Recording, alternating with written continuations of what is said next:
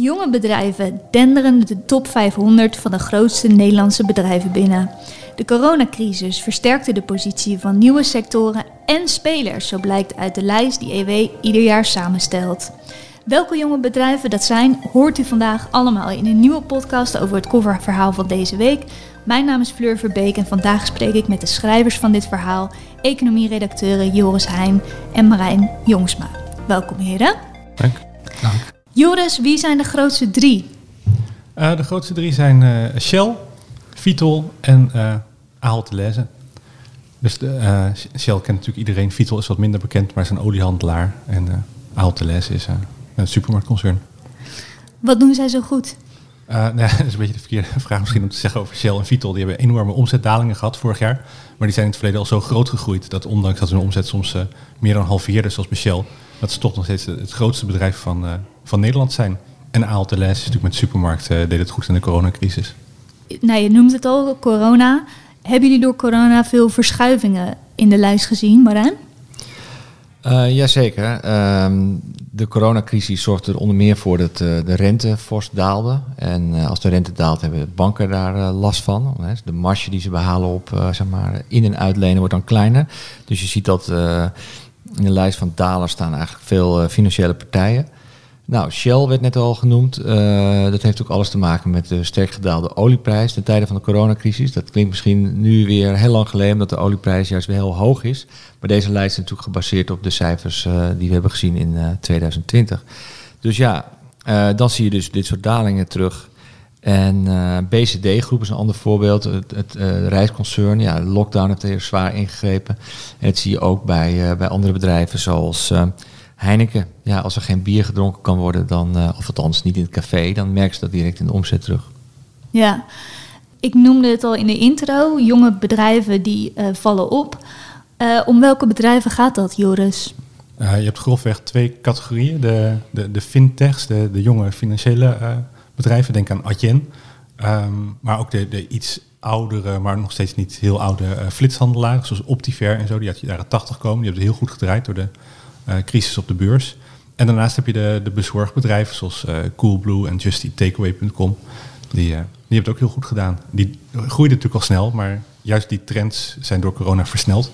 Dus die gaan heel hard omhoog. En de, die staan Coolblue, Just Eat Takeaway en Adyen staan nu in de top 100 grootste bedrijven. Kunnen we daaruit ook concluderen dat het Nederlandse start-up klimaat gunstig is, Marijn? Nou, op, dat antwoord, of die vraag zijn eigenlijk twee antwoorden. Het, eerste antwoord is ja, het, start-up klimaat is heel gunstig. Als je kijkt uh, naar de ranglijstjes in Europa, dan staat Nederland er heel goed voor. We hebben relatief veel start-ups. Um, het beeld is iets minder positief als je kijkt naar het aantal start-ups dat ook daadwerkelijk uh, echt doorgroeit. De, de, droom van elke start-up is natuurlijk het worden van een unicorn. Hè? En een unicorn is een bedrijf dat meer dan een miljard dollar uh, waard is. En uh, daar slagen dan weer relatief weinig uh, Nederlandse bedrijven in. En ja, er zijn allerlei verklaringen voor. Um, volgens de deskundigen heeft het ook te maken met de Nederlandse cultuur.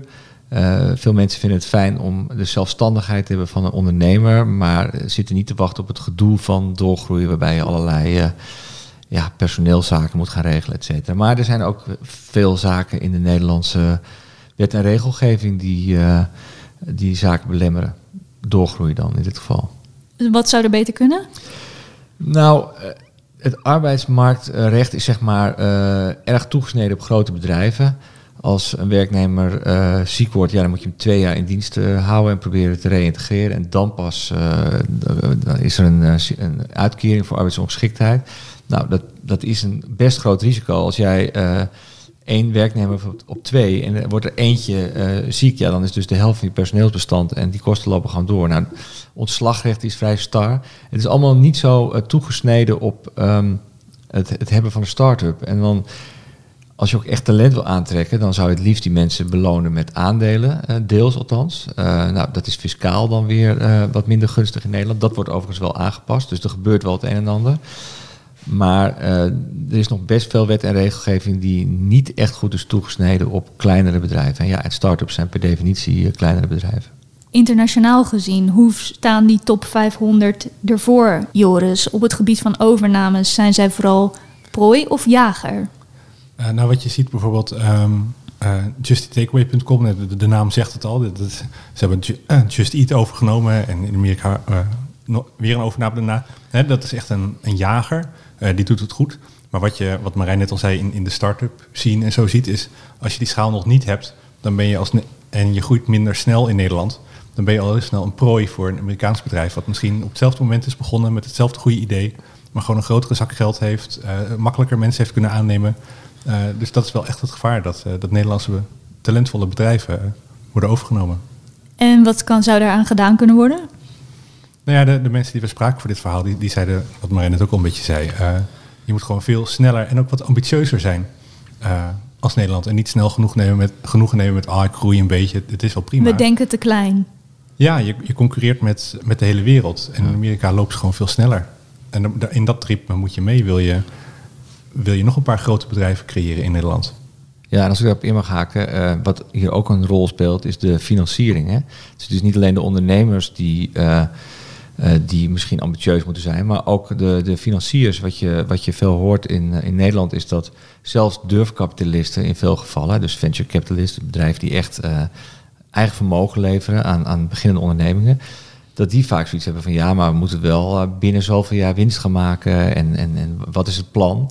Terwijl in de Verenigde Staten zijn ze veel eerder zo dat ze zeggen, nou ja, we, we, we, investeren in tien ondernemingen en daar redden misschien twee het van. Maar daar zijn we dan wel scheutig met geld. Dus, dus er zit ook meer, meer risicobereidheid uh, eigenlijk in die economie. Is dat ook iets wat in de cultuur zit? Je hebt natuurlijk Nederlandse programma's zoals Dragon's Den, maar dat komt van het Amerikaanse Shark Tank, wat daar enorm populair is. En waarbij dus investeerders tegenover een starter worden neergezet en dan kunnen investeren. Is het ook een cultureel verschil? Ik denk het wel. Uh, het is natuurlijk een bekend cliché, maar daarom niet minder waar. Dat uh, als je in uh, de VS een paar keer viert bent gegaan, dan, dan, dan, wordt er door investeerders gezegd: ja, die weet in ieder geval, die heeft zijn lesje geleerd. Die is door schade en schande wijs geworden, die heeft ervaring. Terwijl in Nederland is dat nog steeds een beetje van ja, als je viert bent gegaan, heb je dus iets, kennelijk iets helemaal verkeerd gedaan. Ik moet er wel bij zeggen, en dat is echt wel een lichtpuntje wat ook in ons verhaal naar voren komt, dat veel ondernemers die zeg maar een behoorlijk kapitaal hebben vergaard met nieuwe ondernemingen, dat die bereid zijn om een deel van dat kapitaal weer te herinvesteren in start-ups. Dus er ontstaat een soort nieuwe cultuur van ondernemers die dus ook anders tegen bedrijven aankijken, omdat ze zelf hun geld hebben verdiend, ook met, met iets riskants en ook met niets zijn begonnen. Je kijkt natuurlijk heel anders tegen de economie aan als, als je een, een, bij, bij wijze van spreken een supermarkt hebt opgebouwd, dan dat je iets gedaan hebt wat, wat ineens heel groot werd. In de techsector, de digitale wereld. Ja. Um, met de trends die we nu zien, wat verwachten jullie in de komende jaren dat we gaan zien in de top 500? Ik begin bij Marijn. Nou ja, kijk, je, je, moet vooral kijken naar welke sectoren hard groeien. En dan uh, ja, is het saaie antwoord toch wel informatietechnologie, digitalisering, uh, maar ook biotech. Uh, dat zijn sectoren die, die hard groeien. En bedrijven die daarop inhaken zullen dus ook het hardst groeien. Dus je zult zien dat die sectoren een groter gewicht gaan krijgen binnen de top 500. Maar dat kan best langzaam gaan. Hè? Want er zijn natuurlijk ook bedrijven die nog heel lang heel klein blijven. En dan komen ze ook nog niet in die top 500. Dus het werkt altijd met de vertraging door in deze lijst. Joris? Ja. Nou, we, we hebben dit jaar voor het eerst echt gezien dat, dat je een nieuwe aanwas van jonge bedrijven hebt. Ik denk dat dat alleen maar door gaat zetten. Um, en daarnaast zie je dat heel veel grote bedrijven um, ook niet te beroerd zijn om zichzelf tegenwoordig op te splitsen. Um, dus je ziet in de top van de lijst ook steeds vaker bijvoorbeeld, je hebt uh, Axo Nobel en Nourion, een bedrijf wat ze eerder hebben afgesplitst. Uh, de hoogste nieuwe binnenkoper is nu Vitera, dat is de landbouwtak van uh, een agri-reus die in Rotterdam gevestigd is. Dus je ziet ook dat, de, dat de, de, oude grote bedrijven zich ook steeds vaker op gaan splitsen en dan nog een extra plek in de lijst krijgen. Joris en Marijn, ik wil jullie bedanken voor jullie uitleg. En voor wie nu het hele verhaal wil lezen, vindt het huidige nummer nu in de winkel. Maar lezen kan natuurlijk ook via de site ewmagazine.nl. Daarin de volledige top 500 met alle feiten en cijfers en antwoord op de vraag van welke van hen we binnenkort een beursgang kunnen verwachten. Daarmee zijn we aan het eind gekomen van deze podcast. Ik wil u bedanken voor het luisteren. Vergeet u niet te abonneren. Volg ons op Twitter en Facebook voor de laatste updates. En graag tot de volgende keer.